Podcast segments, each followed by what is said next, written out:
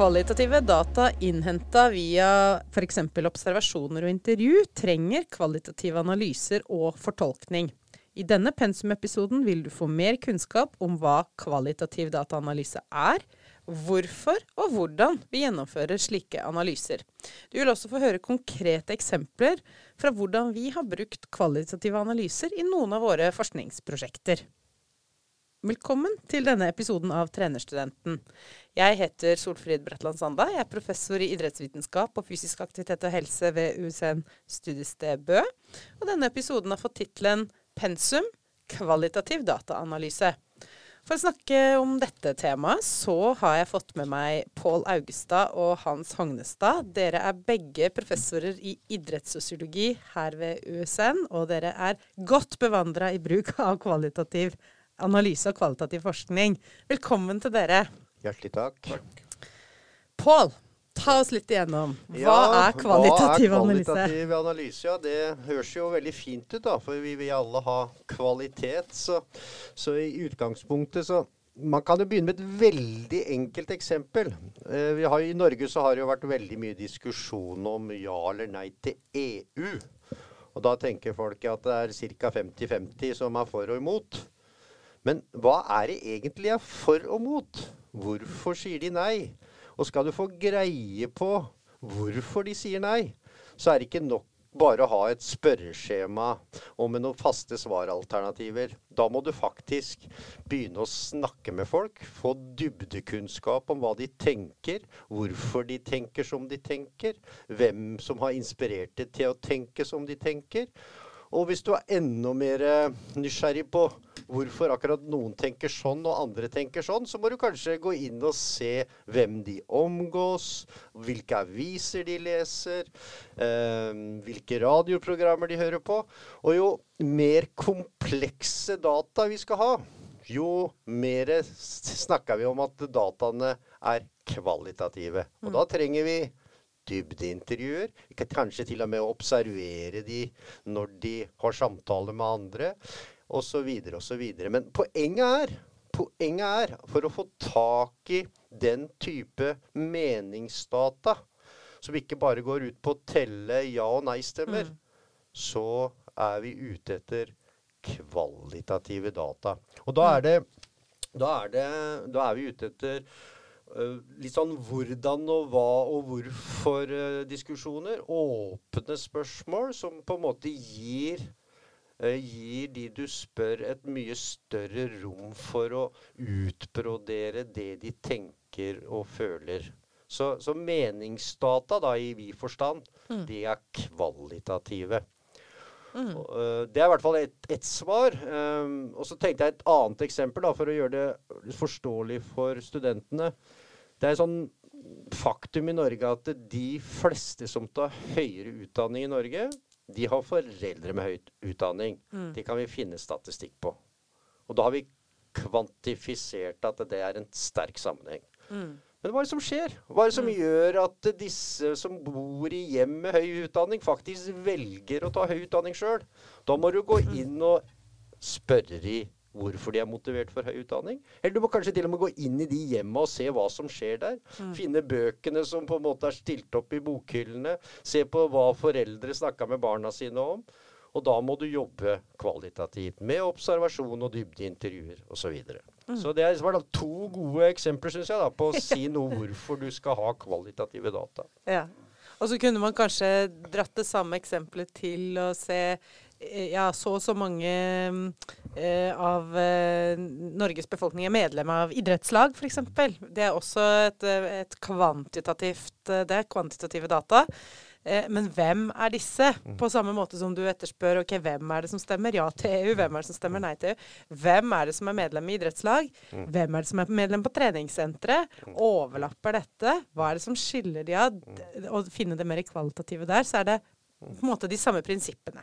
Ja, mm. det er det. Og det er viktig da, for å ta det over til, til idrettsfeltet, da, så, så, kan man jobbe på akkurat samme måte. Hvis du f.eks. er opptatt av treneratferd, så kan jeg ta et spørreskjema og spørre treneren om litt sånn ja-nei-spørsmål. Er du vil du jobbe ut fra det prinsippet eller det prinsippet? Men for å virkelig forstå hvordan treneren tenker, så må du snakke med han. Og for å forstå hvordan han handler, så må du observere den. Så da både dybdeintervju og observasjon er eksempel på kvalitative data.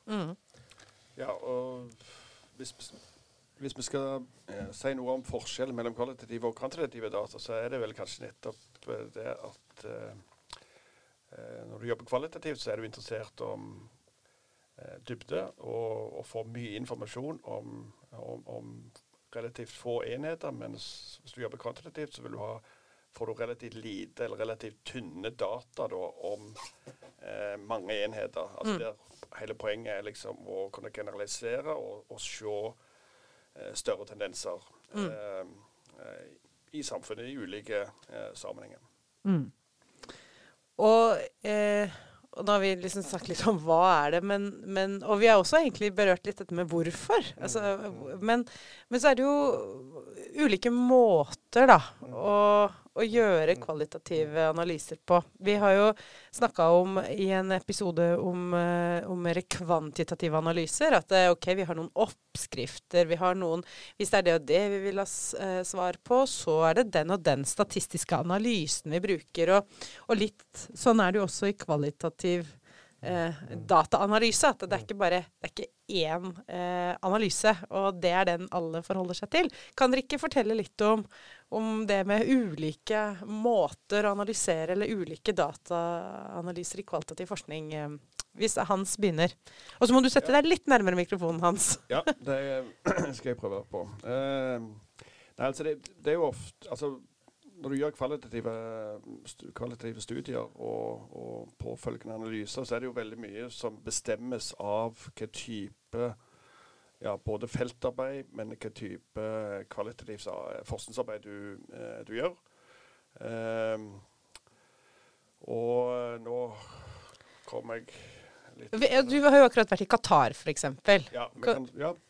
Hvis du Eh, forteller litt om Ja, altså um, Når du gjør et sånt arbeid det, det gjelder jo da et forskningsprosjekt som er et større forskningsprosjekt der liksom VM i Qatar ehm, er en del av et eh, prosjekt som handler om fotball og religion i Midtøsten.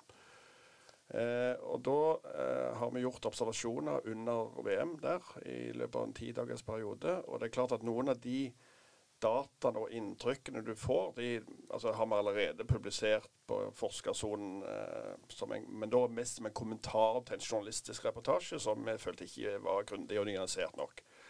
Så Det er jo ett eksempel. Men så er det klart at de dataene man da sitter igjen med altså Noen eh, intervjuer har vi ikke gjort ennå, vi har bare fått kontakter. Så det, så det er jo ikke ferdig, på en måte.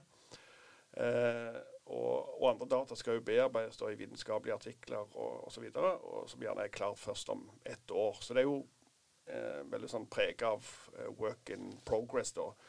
Eh, men det du kan si om kvalitative dataanalyser, er jo òg at de er Altså de Ja, du er mindre låst, da.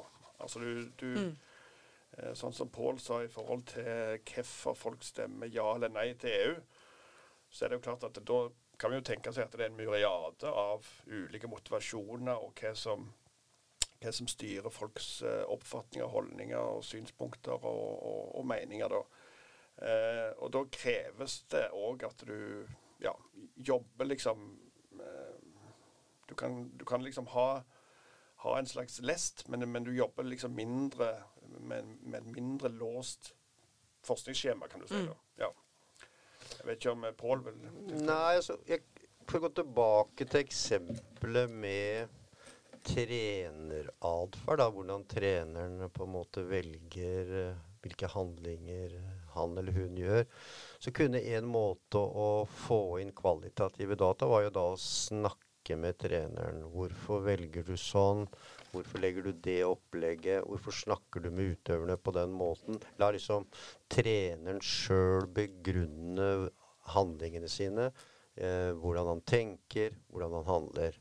Og så vil du da, når du skal presentere de dataene, så vil du på en måte prøve å finne eller klippe ut utsagn fra treneren som illustrerer poenget på en god måte. Så at hans stemme, eller hennes stemme, kommer tydelig til uttrykk. Men Normalt sett så vil man jo ikke være fornøyd med det, for at det, treneren har jo sin versjon av virkeligheten. Og siden det er treneratferd som er problemstillingen din, så vil du da kanskje også være interessert i å snakke med utøverne og få deres versjon av det samme. Og så gjør man da dybdeintervjuer med, med utøverne om hvordan de oppfatter treneren og trenerens valg og væremåte. Og så klipper man en deres uttalelse, og så er det kanskje en del som er likt, men samtidig så har de kanskje en, en, annen versjon av den samme virkeligheten enn den treneren har. Og for sikkerhets skyld så tenker man at det heller er for så vidt ikke nok, for det, verden er jo kompleks. Og det er masse som uh, man ikke sier. Av enten av at man ikke uh, er bevisst det, eller fordi man på en måte rett og slett ikke synes det passer seg å snakke om mm. det. Så da vil man kanskje tenke at jeg bør også observere og da har vi liksom en tredatakilde. Mm. Og da tar jeg inn også det inn i, i, som datakilde, og skriver ned de observasjonene, og legger det også ved når man presenterer treneratferden. Og da får du på en måte en ganske komplekst bilde, som dels er sammenfallende, dels er motstridende. Og da ser dere at eh, det å jobbe kvalitativt er ganske sånn tidskrevende og mm. ressurskrevende. For nettopp for å fange kompleksitet, motsetninger, prosesser, relasjoner, så må du ha flere datakilder, da. Mm. Og det, vil, det må også speile seg i måten du presenterer resultatene på, selvfølgelig. Det er kanskje en litt sånn misforståelse akkurat for å følge opp akkurat det der. At en tenker at eh, men jeg har bare gjort noen intervjuer, og så er det kjipp-kjapp å gjøre noen analyser. Og, eh, men det kan vi avkrefte. Sånn er det ikke. Nei, ja, det, Nei, altså det, det, det, er jo sånn at altså, Du kan jo tenke et kvalitativt intervju. Jeg pleier liksom sammenligne det hvis det er liksom sånn at du gjør en avtale med en idrettsleder eller hvem det måtte være, en trener eh, og avtaler og, og sitter der og snakker med vedkommende i en halvtime, en time, eh, så nærmer du deg jo de altså, de dataene du da får fra en spørreundersøkelse. Fordi det er nokså tynne data. Mm. For du, du, du, har liksom lite kontekst, og du eh, eh, Ja, så det er relativt tynne data i forhold til hvis du gjør observasjoner i tillegg, og, og kontekstualiserer liksom trener, eh, trener, eh, den treneren du skal intervjue, f.eks., og eh, sette han inn i en eh, hverdagssituasjon. Men jeg tenkte også bare si litt om eh, si mer generelt om altså Det er jo ulike måter å, å tenke når du, når du, jobber kvalitativt, og det er liksom en prosess. altså Pål nevner her eh, at det er avhengig av hva slags aktører er det du eh, skal forholde deg til. Og Da går det an å dele inn i noe som heter emisk og etisk analyse. altså der eh, Den emiske analysen eh, dreier seg om, om, en spesifisering av at du posisjonerer måte, de aktørene du prøver å få eh, ja, prøver å forstå deres virkelighet, og, og på en måte meningsdimensjoner knytta til de handlingene de eh, da er involvert i. Mens den etiske analysen er jo da den faglige som kommer etterpå. Eh, det er en antropolog, en klassisk antropolog som heter Clifford Gertz, som òg hadde sånn, en slags oppskrift på når man gjør feltarbeid. Altså du, og der gjerne av en viss varighet. Det er jo ofte avhengig av ressurser, hvor mye man har tid til å observere. Det, tid er penger i våre dager. og mm. Og på eh, ja, f.eks. på masternivå så er det jo sjelden eh, rom for veldig lange feltarbeid. Eh, og heller ikke egentlig på, på ph.d. Men Eh, ph.d.-nivå. Men eh, så det vanlige er liksom å gjennomføre noe, gjennom noen korte feltstudier. Og kanskje det som vi gjorde i Qatar, er typisk at du, du, har ti dager til disposisjon, og det er en event som skjer der, og så gjør du mm. observasjoner ut ifra det. Eh, men tilbake til Gertz. Han, han, skrev jo da at du, det du gjør òg når du gjør feltarbeid, er, er ofte at man har ei dagbok eller lignende der du noterer ned ting du har sett i løpet av dagen, uten å tenke tenke liksom nødvendigvis analytisk. Du bare legger merke med ting, og så, så er det ikke nødvendigvis sånn at det alt det du skriver ned, kommer du til å bruke. Eh, og det kaller han da for tykke beskrivelser. Så at mm. du har en, eh, en, en såkalt tjukk beskrivelse, for å snakke litt nynorsk, yeah. eh, som utgangspunkt for, for da, eh, den analysen som, som, du skal gjøre. Eh, Og så tynner du ut. altså Når du begynner å analysere, du kommer hjem og sitter bak skrivebordet, eh, så, så prøver du å systematisere disse dataene, og da ender du opp med en tynnere beskrivelse. Som, som blir på en måte de dataene du anvender i eh, eh selve analysen til slutt, og, og produksjonen av den vitenskapelige teksten. Mm. Ja, Si noe om det, da. fordi sånn i utgangspunktet da, så tenker man jo at uh, man skal være opptatt av at de man undersøker, da, enten det er uh, Enten det er eh, holdt på å si, fotballspillere, innvandrere eller uh, det er meg og deg, så, så er man opptatt av at de skal få lov til å komme med sine egne stemmer, sine egne erfaringer, sine egne begreper. Sånn at de skal liksom være hellige på en måte. Men så vet vi jo, og det er her liksom egentlig det, det Hans kommer inn på, som er vanskelig, da, at det idealet om at, det, at vi på en måte skal komme inn i et felt og på en måte observere det mest mulig nøytralt. Altså, ja, sånn, Det er det som skjer når uh, fotballtreneren i Odd trener talentene. Da har jeg liksom gjort en helt sånn objektiv observasjon av treningen i fotballklubben Odd. Men så vet vi jo at uh, hvem er jeg? Hva er det jeg ser? Hva er det jeg velger ut? Eh, hvilke språk bruker jeg når jeg skal fortelle om det jeg så på den treninga? Alt dette gjør at uh, jeg som forsker er med å så å si forme de dataene som kommer ut av innsamlinga. Og det er jeg nødt til å tenke over. Altså Jeg er nødt til å tenke over at Pål Augestad, du har jo vært fotballspiller sjøl. Du har vært trener sjøl. Du har vært foreldre sjøl. Du har på en måte veldig mange meninger om hva som er god og dårlig trening. Og hvis ikke du har en refleksjon rundt det, så kan du på en måte Kan det være Det ene er at det er med å forme hva du ser etter, eh, og hvordan du fortolker det du ser. Men det andre er på en måte at hvis ikke du på en måte har en eh, bevissthet om det, så blir det på en måte såkalt dumme data. Det blir bare på en måte en slags det blir en slags gjenspeiling av dine egne fordommer, da. Samtidig som fordommer er jo også en ressurs. For uten disse fordommene så er det vanskelig å forstå hva som skjer. Mm. Jeg har jo alltid med meg mine erfaringer, min forståelse. Alt dette må jeg jo ha med meg. Så selv om det er en feilkilde, så er det også den eneste kilda til forståelse. Mm. Så liksom det å ha den dobbeltheten der, det er kanskje det vanskeligste som kvalitativ forsker, da. Fordi at eh, det som, det som, på en måte i utgangspunktet man tenkte man skulle eliminere Jeg tror Hans en gang brukte det bildet om at eh, du skal komme inn som en marsboer, eller som et mm. barn inn i virkeligheten. Da. Men du vet jo at hvis du er et barn, så forstår du ikke en dritt. Mm. Og du må på en måte Et barn vil kanskje bruke 10-15 år for å forstå det som skjer på treningsfeltet i, i Odd. Mm. Og det har vi ikke tid til. Men, men fordi at jeg kan dette feltet ganske godt, så forstår jeg ganske fort hva som skjer. Men samtidig så er det en fare for at jeg tar mye av de samme tinga for gitt som de som er i det feltet. Mm. Så jeg må orke å problematisere mine egne tatt for gittheter. Mm. Det er ekstremt viktig. Mm. Så jeg tror uh, Hvis man tenker at det er bare å samle inn data som, og på en måte om å være som mest mulig nøytral, mest mulig objektiv, mest mulig distansert, så er man på feil spor. Og derfor kan man ikke bruke samme idealet for kvalitativ forskning som for kvantitativ. For i kvantitativ forskning skal man prøve å eliminere den subjektive mm. faktoren.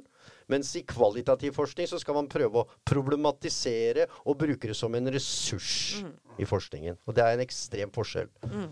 Ja, det er jo helt avgjørende at du si, posisjonerer deg sjøl som forsker i, i, i, forhold til et felt, og i forhold til et prosjekt du holder på med. Um, men det er, det er, en vanskelig balansegang som, eh, som Pål her er inne på, og som, som, går på altså, Du kan ikke bare altså Faren med kvalitativ forskning er jo at du Hvis du blir veldig altså, overopphengt i dine egne eh, din egen kunnskap og dine, dine, egne erfaringer og synspunkter på et felt, som da i sin tur kan føre til at du, du bare søker etter bekreftelser på det du allerede har bestemt deg for. Det er dårlig eh, mm. forskning. Mm. Dårlig kvalitativ forskning. Uh, men på den annen side så Når du da skal ta hensyn til aktørene og prøve å få fram deres stemmer, eller ha, ha det som utgangspunkt, så er det òg regne som dårlig forskning hvis du bare reproduserer common sense. Mm. Altså hvis du bare reproduserer det de sier uten å ja, bearbeide på noen som helst måte. Sånn at um, aktørene vet ikke alltid sitt eget beste, og de, de, de vet ikke alltid hva de holder på med. Mm. Uh, jeg pleier å bruke et eksempel fra forskningen til Tommy Langstedt, som da han skrev en doktoravhandling som jeg var biveileder på, om risikosport. Og da han snakker om motivasjonen de har for å drive med risikosport, så er det nesten utelukkende sånn indre dimensjoner. Så det er adrenalinkick, og det er Mm.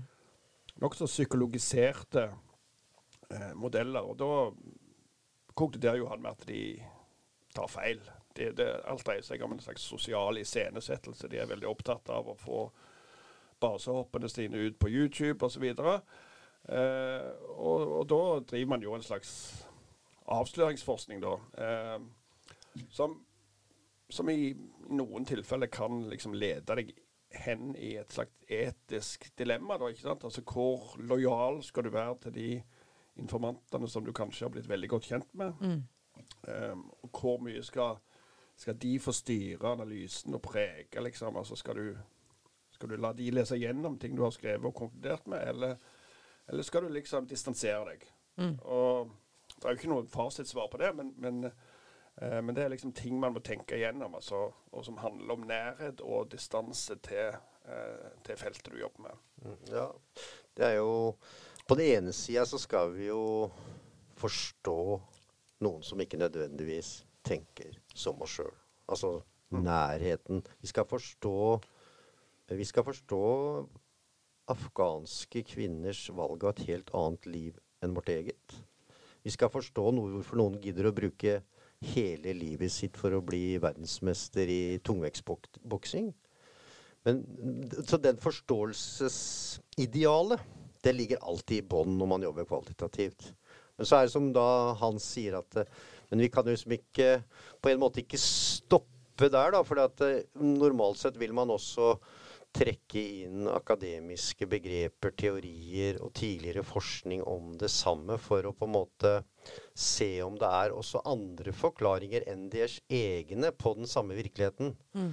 Og da, da vil Det er jo på en måte på en måte provoserende, ikke sant? Hvis, hvis jeg skal prøve å forstå hvorfor Solfrid eh, er så opptatt av å bli en god akademiker, og så kommer jeg med en eller annen slags psykologisk teori på det, så vil du bli litt forbanna på meg. fordi at eh, Ja, nei, jeg vet jo hvorfor du skal bli professor, eller er blitt professor, for du er så opptatt av å få bekrefta deg sjøl, et eller annet sånt sa, sammen med det. Men poenget er at det, hver gang vi på en måte kommer med et forslag på en fortolkning av andres liv som ikke er deres egen, så gjør man jo det til et objekt. Og det er ikke så veldig morsomt å bli et objekt. Mm.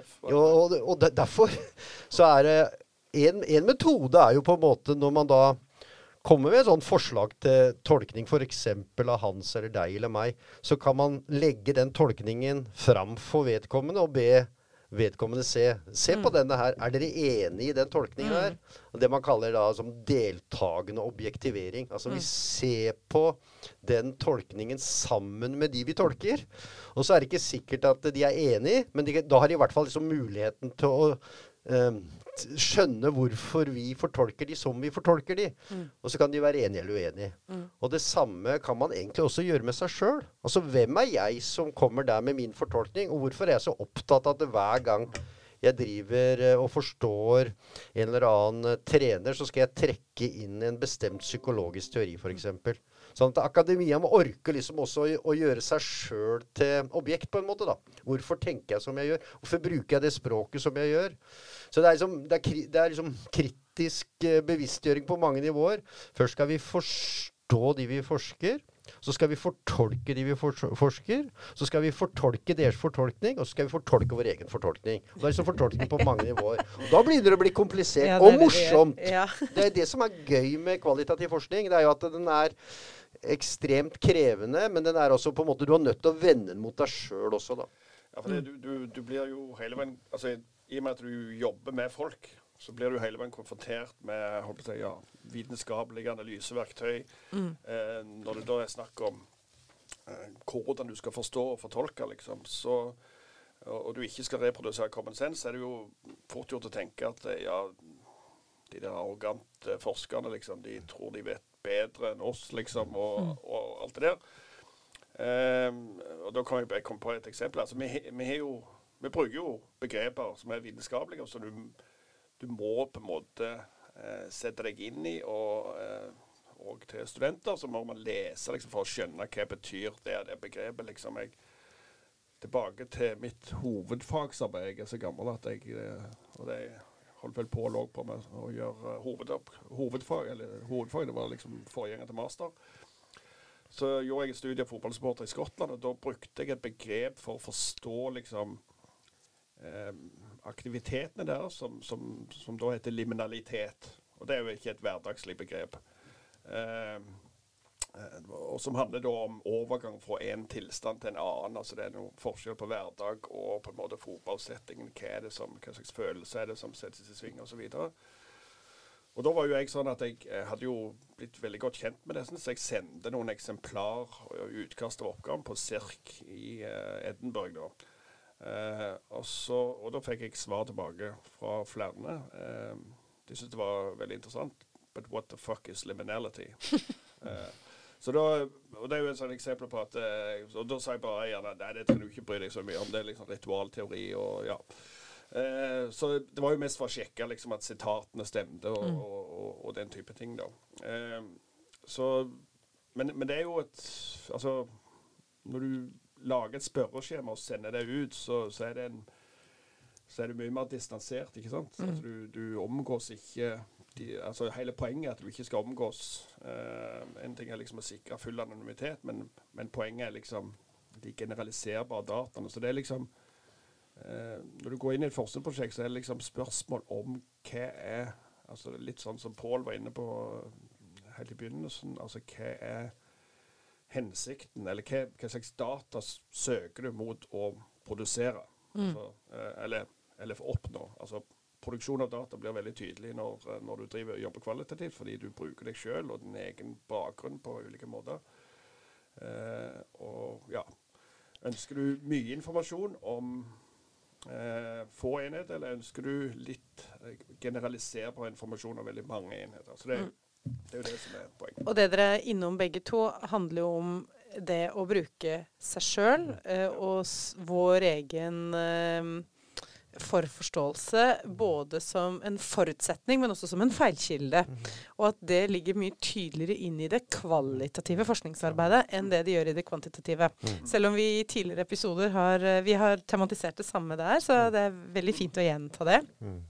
Eh, og i tidligere episoder så har vi også tematisert at du får jo aldri Du blir jo aldri helt 100% objektiv, ikke som kvantitativ forsker heller. Altså er det Vi har jo brukt eksempler med, med det å påvirke VO2max-tester, f.eks., og at eh, jeg, jeg Har vi et eh, eh, gullstandard utstyr på lab, eh, så er det veldig lite jeg kan påvirke eh, det utstyret. Eh, altså ja, jeg kalibrerer det og sånn, men, men det er lite jeg som forsker og min forforståelse gjør for å påvirke utstyret. Men jeg kan påvirke deltakeren. Og bare det at Det er det gjort mange studier på. Hvis vi bruker motiverende teknikker på de deltakerne vi har på mølla, så påvirker det resultatet. Da kan vi få de til å yte litt mer. Altså, da, får, da får de høyere VO2-maks Eh, enn hvis vi var helt nøytrale, helt stille. For da klarer de ikke å pushe seg sjøl så langt. Så, så til og med i, i rene kvantitative studier så kommer vi som forskere inn og, og må være bevisst dette. Men det er et mye viktigere Altså Du bruker deg sjøl mye mer aktivt som et verktøy i den kvalitative forskninga.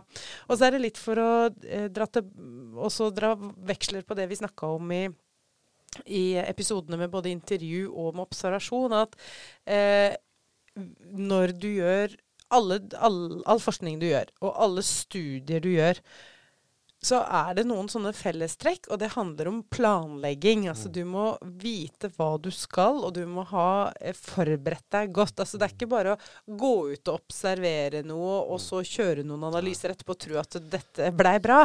Du må vite hvordan du gjør det. Du må øve gjerne. Gjøre øveobservasjoner. Du må gjøre øve intervjuer hvis du skal ha intervjuer.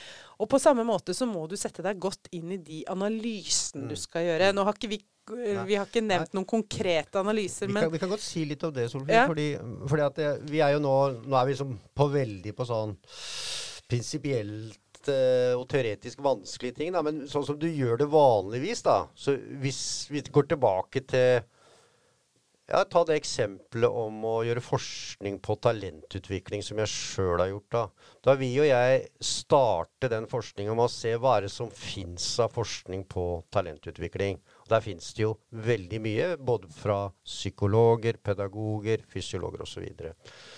Også hvis jeg er da opptatt av sosiologi, så vil jeg se på den, spesielt på den sosiologiske forskningen. Så ser jeg jo da at eh, når jeg går igjennom den, så er det noen teorier som er dominerende, på en måte. Noen begreper som har satt seg. Og det, de, særlig to av de teoriene er en som heter Henriksen, en danske, som er opptatt av veldig mange sånne miljøfaktorer som er viktige for å få opp et godt talentutviklingsmiljø. Og så er det en som heter Eriksson, som har laga en sånn teori om uh, 10 000 timers uh, tenkning, altså hvor du trener på én idrett over tid, dedikert, så vil du på en måte komme opp på en, et høyt nivå, da. Og, og de den forskningen ligger jo til grunn for hva jeg ser etter, spørsmåla jeg stiller, hva jeg observerer. Men samtidig, liksom lokke, en, en kvalitativ forskning kan ikke lokke seg om de, for da vil det jo bare være å bekrefte det du allerede vet. Men du må på en måte ha Du må jo på en måte la feltet komme til uttrykk både gjennom de intervjuene du gjør, og den observasjonen du gjør.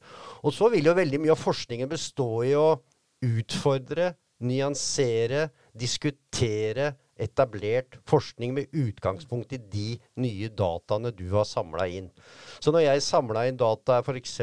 i talentutviklingen i Odd, så fant jeg ut at ja, men selv de som er dedikerte selv, så de som gjør alt det Henriksen sier du skal gjøre, så er det jo bare 0,01% som på en måte lykkes. Da må det jo være noen ting som ikke er forklart her. Og da hadde jo disse spillerne og trenerne sine egne teorier på det, da. Altså Spillerne var jo veldig opptatt av De hadde ulike sånne teorier om flaks, da. Og så kan man da gå til andre teori, sosiologiske teorier som ikke har jobba med talentforskning, men som f.eks. har jobba med innafor næringsliv, og som, som sier at eh, i systemet som er veldig opptatt av å lykkes, så vil det oppstå myter om om fru Fortuna.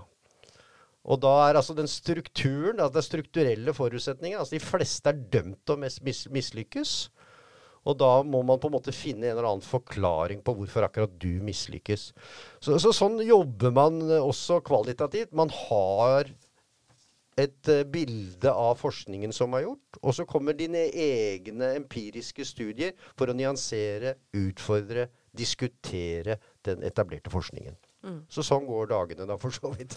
Men derfor så, noen ganger så får man det følelsen at, eh, at man begynner på et slags nullpunkt. Det gjør man jo veldig sjelden. Altså Det finnes selvfølgelig noe som ikke er forska på, Ja. og da må man jo begynne på et nullpunkt. Men du vet, i dag så forskes det i hele verden på alt og alle, så det er vanskelig å begynne på et nullpunkt.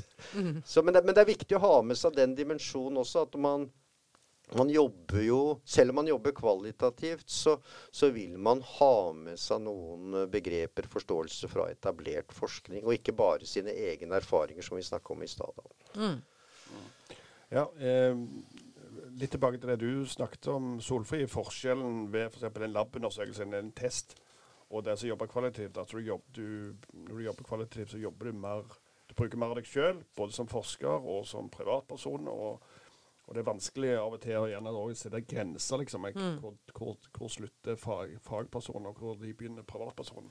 Som regel så er man jo knytta til, knyttet til et til et eh, tema og noen problemstillinger som du søker svar på, og som da guider, uh, guider deg òg i, i feltet. Eh, men når det gjelder liksom det du òg nevnte om å planlegge og gjerne øve seg på observasjon, så er det jo det med spesielt feltarbeid. Hvis du ja, du intervjuer jo Jo Grønlund. Du kan jo høre hvordan feltarbeidet hans i Soveto i Sør-Afrika utarter seg i forhold til sånn som vi tenkte på Mm. forhånd. Det, det, nok, det kan være veldig kaotisk. Altså Mm. Litt avhengig av hva eh, Sånn som vi var i Qatar og snakket med folk fra hele verden, egentlig.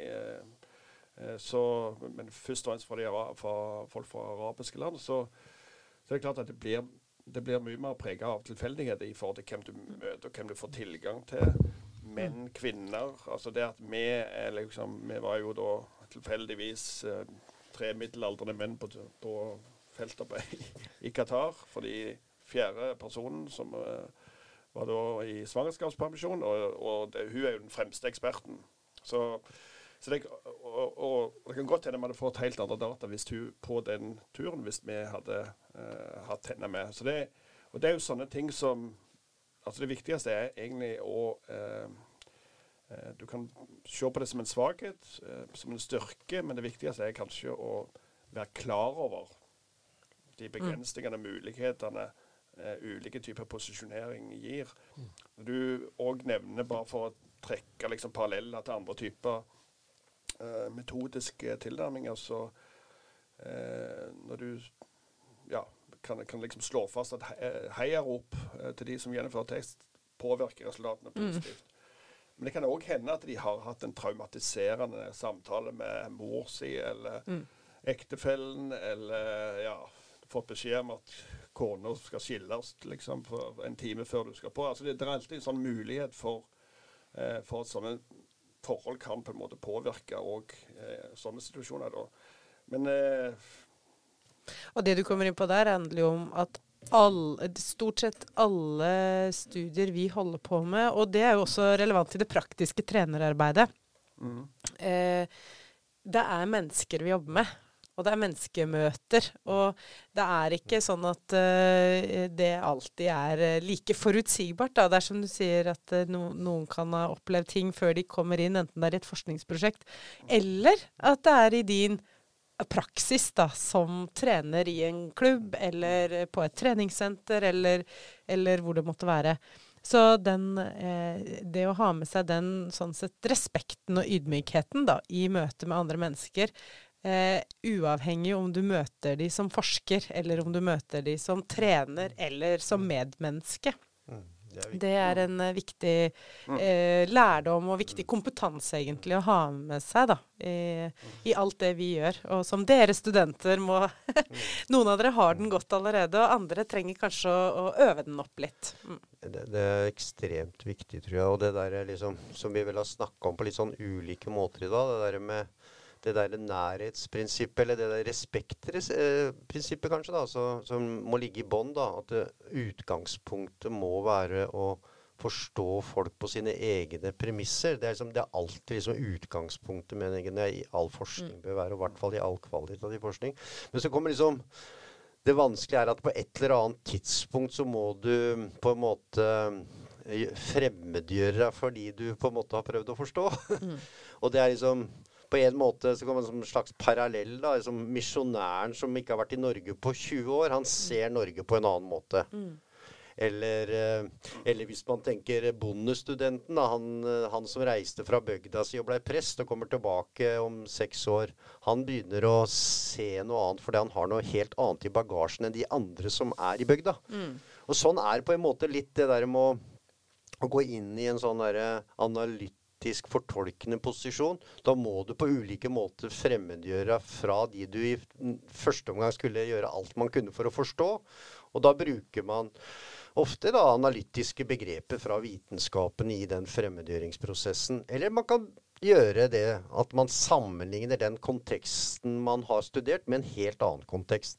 Sammenligne idrett med ballett eller noe annet. Eller sammenligne treneren med presten. For liksom å få det herre Både for å få oppdage det man syns var kjent, på en annen måte, eller få et annet blikk på det.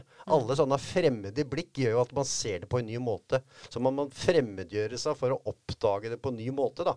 Det er jo liksom det egentlig analyse handler om, da.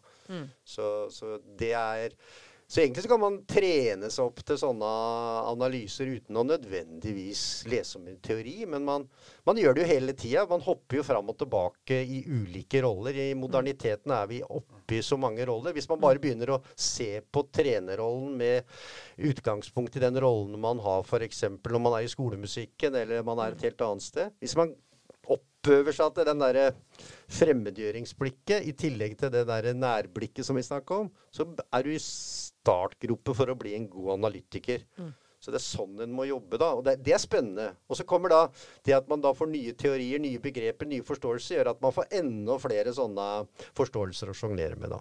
Så det, da kan det bli rock'n'roll-teori.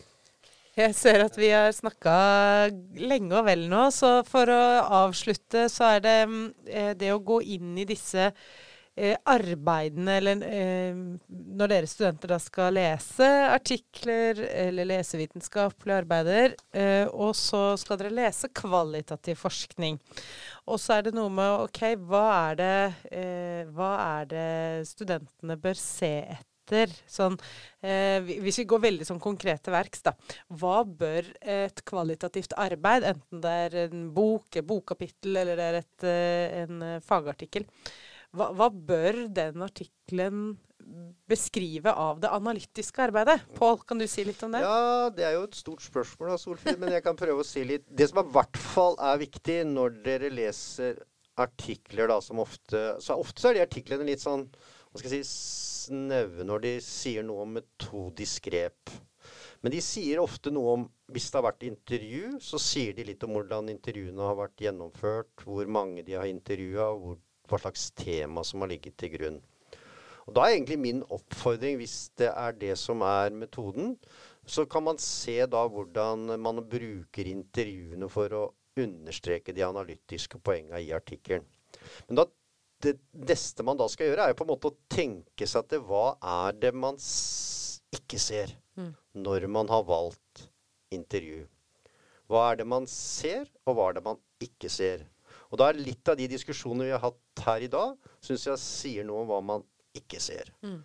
Men alltid se hva slags metodisk grep som er valgt, enten det er intervju, deltakende observasjon, observasjon, dokumentasjon Eh, dokumentasjonsstudier. Jeg eh, mente vel da dokumentanalyse. Eh, men, men, er det brukt systematisk i presentasjon av resultatene? Ja, det ser bra ut, akkurat det. Men hva er begrensningen med det metodiske blikket? Hvis f.eks., som vi sa i stad, man skal se på treneratferd, og så har man bare intervjua treneren. Mm. Da har man et begrensa blikk på treneren. Mm. Ja.